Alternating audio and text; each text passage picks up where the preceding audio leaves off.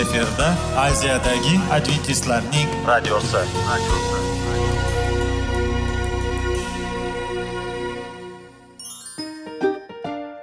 assalomu alaykum aziz radio tinglovchilar sog'liq daqiqasi rubrikasiga xush kelibsiz zero tananing sog'lom bo'lishi va uning kasalliklardan saqlash har bir insonning burchi hisoblanadi.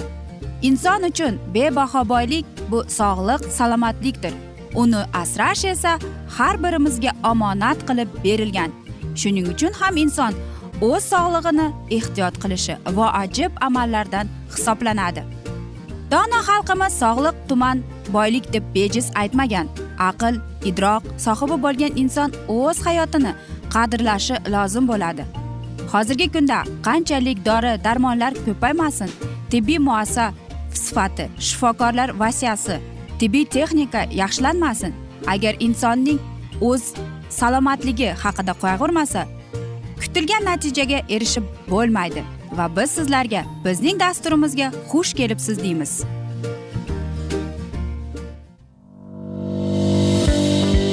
Sog'liq daqiqasi soliqning kaliti qiziqarli ma'lumotlar faktlar. Har kuni siz uchun foydali maslahatlar. Sog'liq daqiqasi rubrikasi Vegas.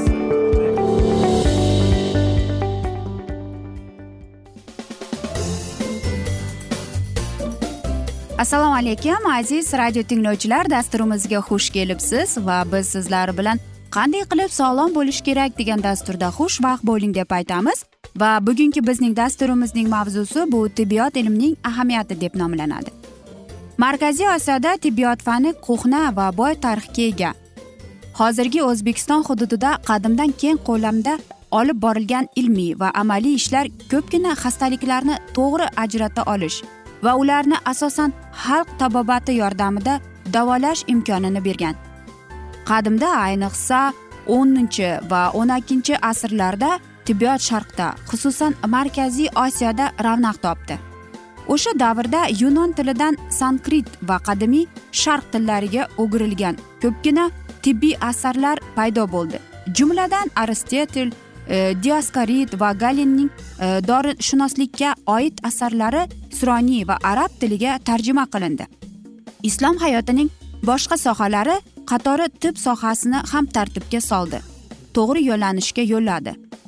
Quyida o'rganadigan hadisi shariflar va ana shu ulush ulug' ishining ba'zi namunalari hisoblanadi deydi. Qarangki imom buxoriy ham imom termiziy va imom ibn mojaralar e, mana shunday narsalarni aytgan ekan. Kimning jasadi ofiyatda bo'lsa o'z guruhida tinch omon bo'lsa va huzurida yegani rizqi bo'lsa go'yoki dunyoga qo'lga kiritibdi deb. Inson uchun dunyoni qo'lga kiritish yo'lida zarur bo'ladigan shartlardan eng avvalgisi bu salomatlik deb e'lon qilinishning o'zi islomda tibbiyotda qanchalik e'tibor berilishi ko'rsatib turilibdi. Imom termiziy abu hurayra e, shunday degan ekan. Qiyomat kuni bandadan eng avval so'radigan e, ne'mat unga sening jismingni siqtalik qilgan emaslikdir. Seni sovuq suv ila serob qilgan emaslik deb aytgan ekan. Albatta sog'lik salomatlik e, ne'matini muhim bo'lgani uchun ham payg'ambarimiz shu so'zlarni mana shu ulug' ne'matni alloh taoloning o'zidan so'rab turishni amr etganlar.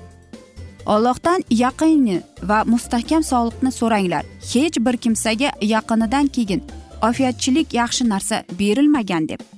Yaqiniy mustahkam imondir demak alloh taolo bandalariga bergan ne'matlar ichida eng birinchi o'rinda mustahkam iymon tursa undan keyingi ikkinchi o'rinda sog'liq turar ekan.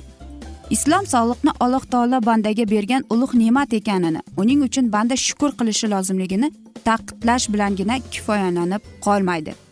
Islom sog'liqni saqlashning yo'llarini ham bayon qilib beradi. Masalan ularni tozalikka rioya qilish sog'liqqa zarar yetkazuvchi va atrofni iflos qiluvchi e, barcha narsalardan e, o'zingizni ehtiyot qilishdir. Aziz do'stlar e, bu albatta aytamizki qanday qilib? Yo'q aziz do'stlar.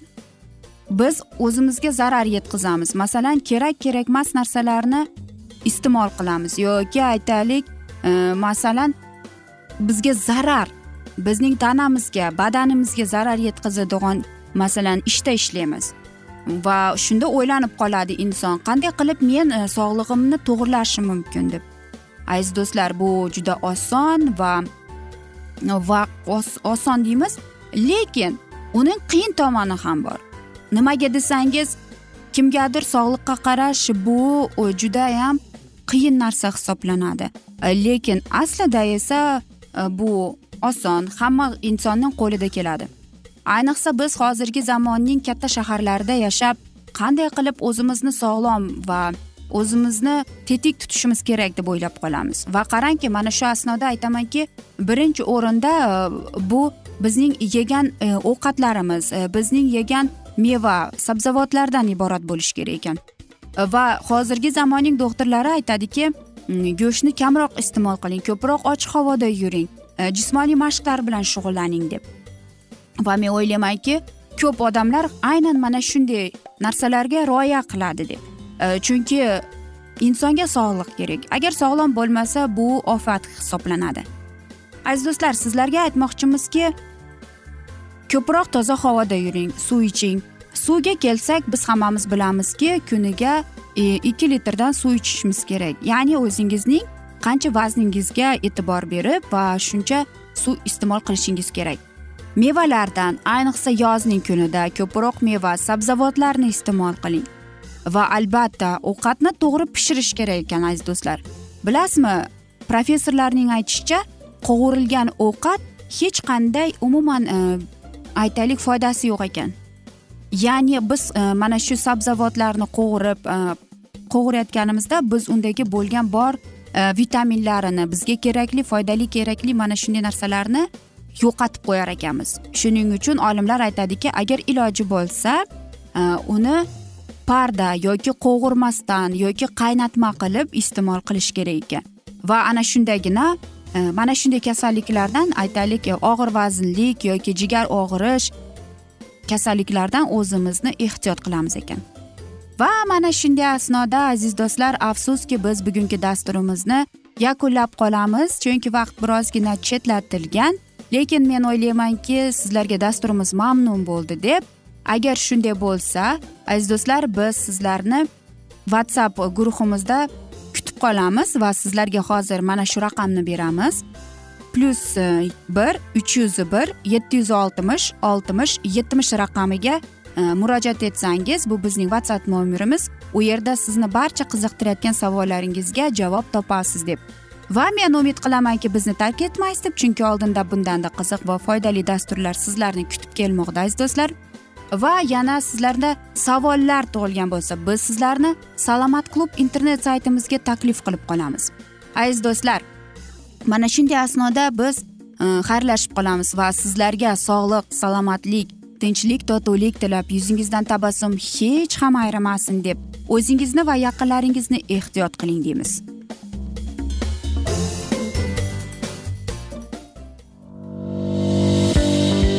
Sog'liq daqiqasi soliqning kaliti qiziqarli ma'lumotlar faktlar. Har kuni siz uchun foydali maslahatlar. Sog'liq daqiqasi rubrikasi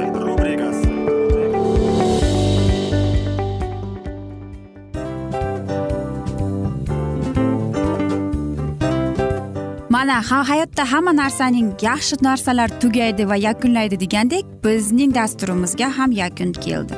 O'ylaymanki bizning dasturimiz sizga foydali bo'ldi deb aziz radio tinglovchimiz. Va siz o'zingiz uchun kerakli xulosalar kerakli maslahatlar olib oldingiz. Aziz radio tinglovchimiz biz bilan qoling va keyingi dasturlarimiz albatta undanda qiziqroq bo'ladi. Mana shu alfozda sizlar bilan xayrlashib qolaman.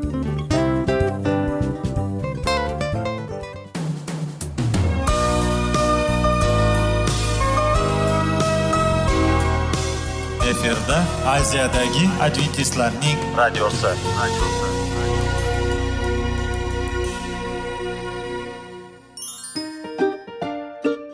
Assalomu alaykum aziz radio tinglovchilarimiz. Dil izhori dasturimizga xush kelibsiz. Pul insonni baxtli qiladimi? Albatta yo'q. Sog'liqchi. Albatta bo'lishi mumkindir. Lekin olimlar shuni isbotlashdiki to'liq va mukammal munosabatlar insonlarni baxtli qilar ekan. Albatta biz hayot davomida biz yaqin insonlar bilan odamlar bilan aloqada bo'lamiz va ular bilan munosabatlarimiz qanday kechadi qanday tuziladi? Yigit va qiz er va xotin ota ona va farzandlar va yaqin insonlar bilan. Balkim hozirgi vaqtda kimnidir hayoti yoki munosabatlari buzilyapti. Va bizning dasturlarimiz ularga yordam bo'ladi deb. Va oldinda sizlarni qiziqarli intervyular va mavzular kutyapti va biz umid qilamizki siz biz bilan qolasiz deb.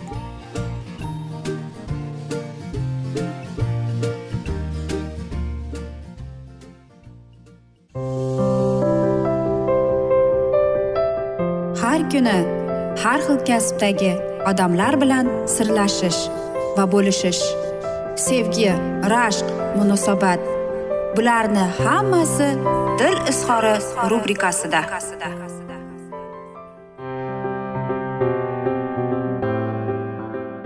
Assalomu alaykum aziz radio tinglovchilar. Dasturimizga xush kelibsiz va biz sizlar bilan nikoh va oila degan dasturda xush vaqt bo'ling deb aytamiz va bugungi bizning dasturimizning mavzusi sog'lom munosabatlar deb ataladi.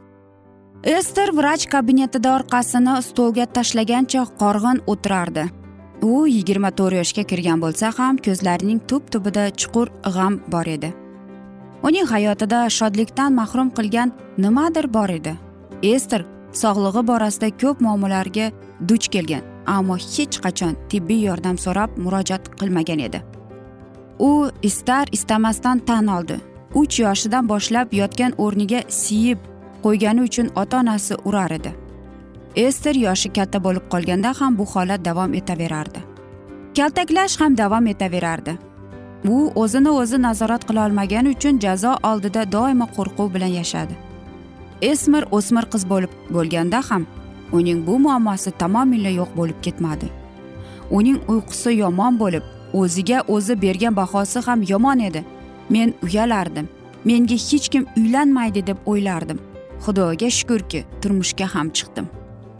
Ester ota onasining uyini tark etib g'amxo'r eri bilan yashay boshlagandan keyin kechalari tagini ho'l qilib qo'yish holatlari kamaymadi. Ammo yomon tushlar ko'rar boshi hamon og'rirdi. Eri uni qo'llab quvvatlardi. Har safar yomon tush ko'rib uyg'onganda o'rin to'shagi ho'l bo'lardi. U vahimaga tushadigan bo'lib qoldi. Bunday paytda yuragi tez urib ketar. Nafas olishi qiyinlashardi. Ester hech qachon eriga ota onam menga shafqatsiz munosabatda bo'lishardi deb aytmagan. Sababi erim meni tushunmaydi deb qo'rqar edi ester uyatdan qiynalar yordamga muhtoj edi. Bunday alomatlar ko'pincha shikastlashdan keyin yuz beradigan stress holati oqibatida uchraydi. Bu holat shikastlanish bilan bog'liq.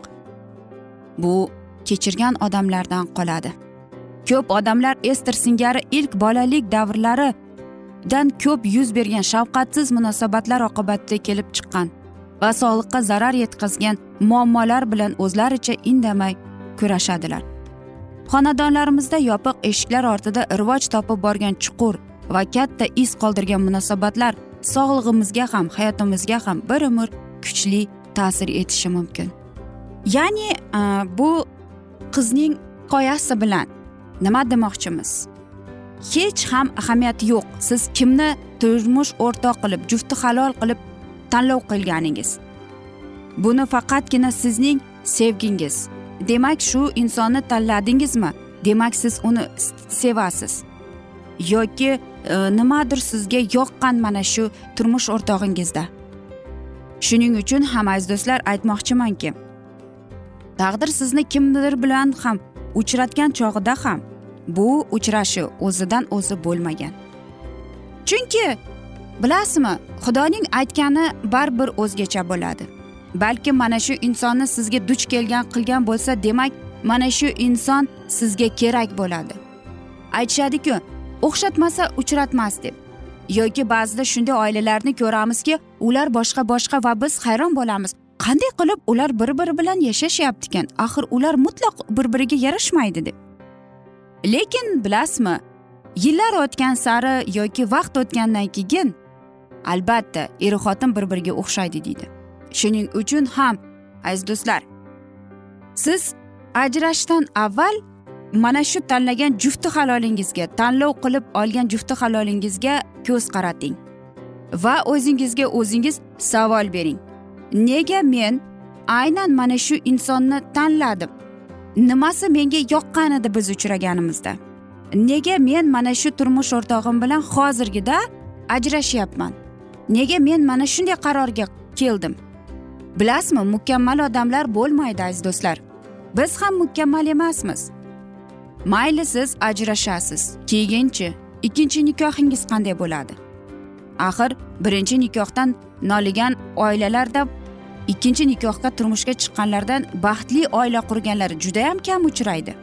Shuning uchun ajrashish degan narsaga siz qaror qilgan bo'lsangiz undan ko'ra o'zingizning xulq atrofingizni munosabatlaringizni e, yoningizda o'tirgan jufti halolingizni uni uchratganingizda sizga nimasi yoqqan nimasini siz sevib qolgansiz? Va nimasi sizni ko'nglingizni olgan va mana shu narsalarni o'ylashingiz kerak. Agar o'rtada farzand bo'lsachi ajrashish to'g'risida umuman xayol ham kelmaslik kerak. Chunki ertaga kattalar ajrashadi lekin azobini bolalar chekadi. Buni olimlar ham psixologlar ham aytib o'tgan. Shuning uchun ham nega men mana shu inson bilan ajrashishga qaror qilyapman? Nahotki men mukammalman deb aytish kerak? Va shundagina siz yaxshilab o'ylanib ko'rib va aziz do'stlar undan ko'ra janjallashmasdan ajrashish qaroriga kelgan bo'lgan chog'ingizdagi ham o'tirib bexavotir bexotirjam u bilan gaplashib oling. Sizni qiynayotgan barcha savollar muammolarni ayting. Balkim turmush o'rtog'ingiz sizni eshitadi balkim yaxshi tomonga o'zgaradi. Axir bilasizmi strategiya bo'yicha gaplashish bu eng yaxshi narsa. Shuning uchun ham aziz do'stlar biz sizlarga baxt tilaymiz. Va mana shunday asnoda esa biz afsuski bugungi dasturimizni yakunlab qolamiz. Va agar sizlarda savollar tug'ilgan bo'lsa biz sizlarni whatsapp raqamimizga taklif qilib qolamiz. Plyus bir uch yuz bir yetti yuz oltmish oltmish yetmish aziz do'stlar. Yana bir bor qaytarib o'taman. Plyus bir uch yuz bir yetti yuz oltmish oltmish yetmish bu bizning whatsapp raqamimiz va sizlarni qiynayotgan barcha savollaringizga javob topasiz deymiz. Va men umid qilamanki bizni tark etmaysiz deb chunki oldinda bundanda qiziq va foydali dasturlar kutib kelmoqda. Va biz sizlarga seving seviling deb xayrlashib qolamiz.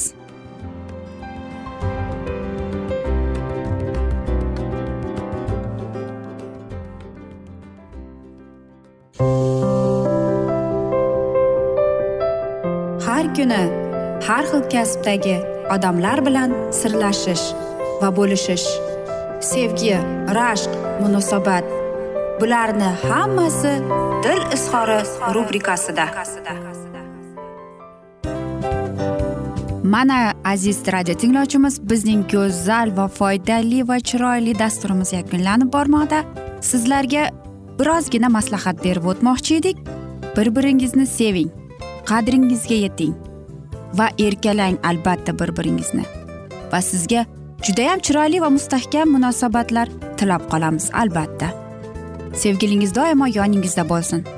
Mana shu borada sizlar bilan xayrlashib qolamiz. Xayr.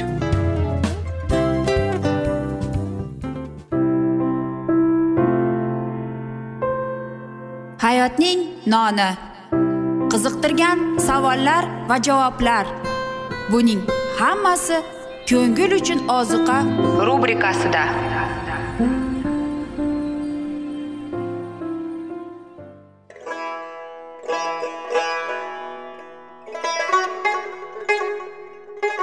Assalomu alaykum aziz radio tinglovchilarimiz. Ko'ngil uchun ozuqa rubrikasida xush kelibsiz deymiz. Siz haqiqatni izlayapsizmi? Olamnimi? Umidnimi siz kimga murojaat qilmoqchisiz? Odamlar ko'pincha siyosat kuchiga tayanadilar. Dunyo iqtisodiyoti holati tobora chuqurlashib bormoqda. Tabiiy ofatlar va texnogen halokatlar minglab insonlarning hayotini olib ketib juda katta zarar yetkazmoqda. Sizga abadiy hayot inomini hadya qiluvchi va hayotingizni tubdan o'zgartiruvchi haqiqatni izlab toping. Xudo haqidagi haqiqat uning kalomida mujassamlashgan. Kimki bu haqiqatni butun qalbi bilan izlasa albatta unga yetishadi. Bu sevgi xudoning tarixidir. Hayotingizda yoki sizning yon atrofingizdagi olamda nimalar yuz berishidan qat'iy nazar? Siz ertagi kunga buyuk umid va ishonch hosil qilishingiz mumkin. Hozirda xudo sizga taklif qilayotgan umid ishonchga o'z qalbingizni oching va sizni qiziqtirayotgan mavzularni savollaringizga javoblaringizni topib olasiz deb umid qilamiz. Biz bilan qoling.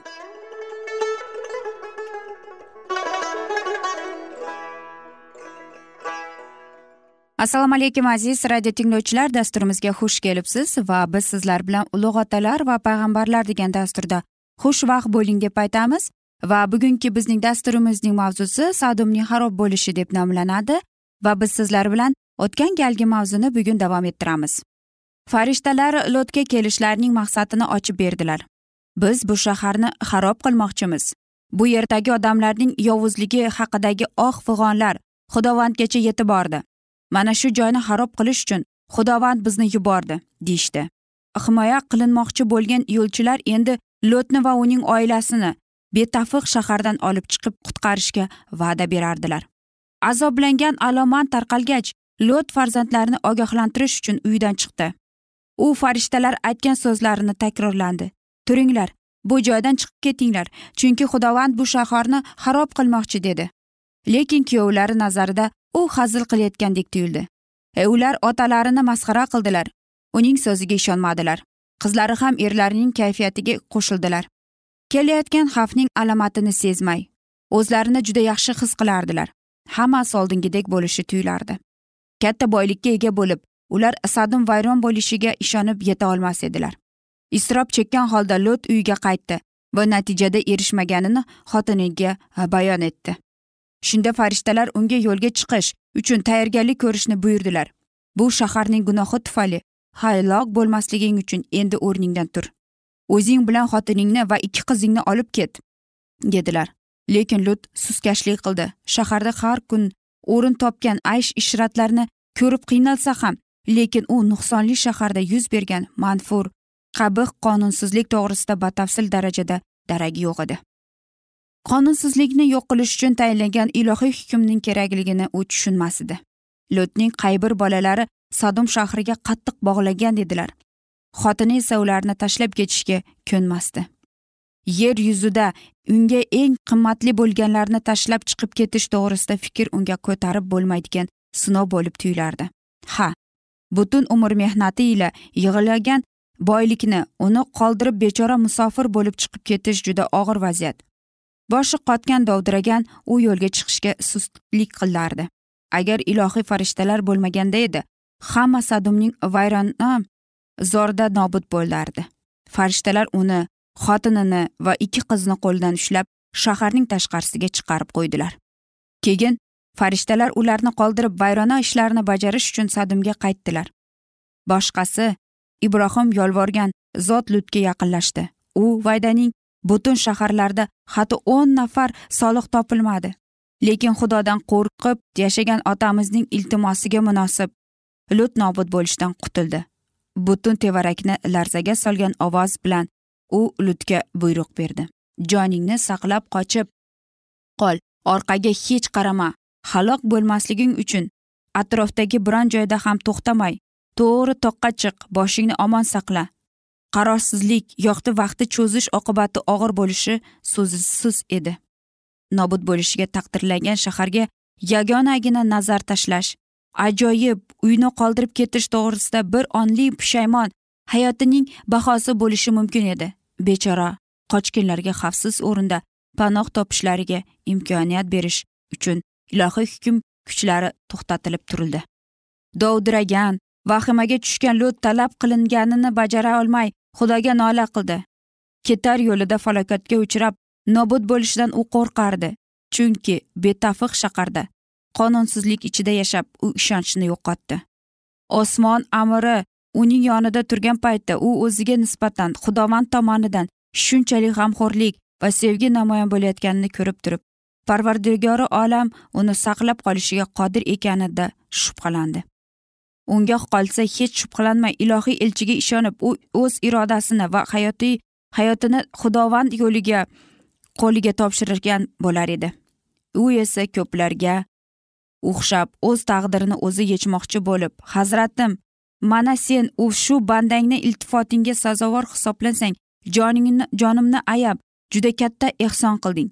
Biroq o'zimni kulfati o'limdan saqlab qolish uchun toqqa qochib ketolmayman. Mana shu yaqin joyda kichik shaharcha bor. Men anavi kichkina joyga qochib jonimni saqlab qolsam dedi. Lut aytgan shaharchasining nomi suyar. Ya'ni kichkina deb atalardi va sadumdan bir necha masofada joylashgan. Buzluqda sadumdan faqrlanmas va shu sonda xarob bo'lishiga taqdirlangandi. O'z iltimosini arzimas deb ko'rsatib surar shahriga mehr shafqat so'radi. Uning xohishi qondirildi. Xudovand unga men bu ishda ham senga e'tibor beraman. Sen aytgan shaharingni yakson qilmayman. Endi tez harakat qil. U yerga qochib omon bo'l. Chunki sen u yerga yetib bormagungacha men biror ish qilolmayman dedi. Adashgan bolalaringga xudovandimizning inoyatini naqadar buyukdir.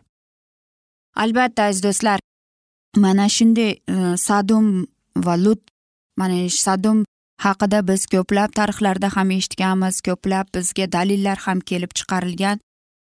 Bu haqiqatdan ham bo'lgan chunki bu muqaddas kitobining ibtido kitobidan olingan tarixdir. Lekin muqaddas kitobda yozilishicha bu xudoning lotga bo'lgan mehrli va uning inomi saqlanib qolganligi uchun uni hayotini ham saqlanib qolgan. Biz esa mana shunday asnoda afsuski bugungi dasturimizni yakunlab qolamiz chunki vaqt birozgina chetlatilgan lekin keyingi dasturlarda albatta mana shu mavzuni yana o'qib eshittiramiz aziz do'stlar. Va agar sizlarda savollar tug'ilgan bo'lsa biz sizlarni adventis tochka ru internet saytimizga taklif qilib qolamiz. Yoki plyus bir uch yuz bir yetti yuz oltmish oltmish yetmish. Yana bir bor qaytarib o'taman. Plyus bir uch yuz bir yetti yuz oltmish oltmish yetmish whatsapp raqamimizga murojaat etsangiz bo'ladi. Va men umid qilamanki bizni tark etmaysiz deb chunki oldinda bundanda qiziq va foydali dasturlar sizni kutib kelmoqda. Va biz sizlarga va oilangizga tinchlik totuvlik tilagan holda xayr omon qoling deb xayrlashamiz.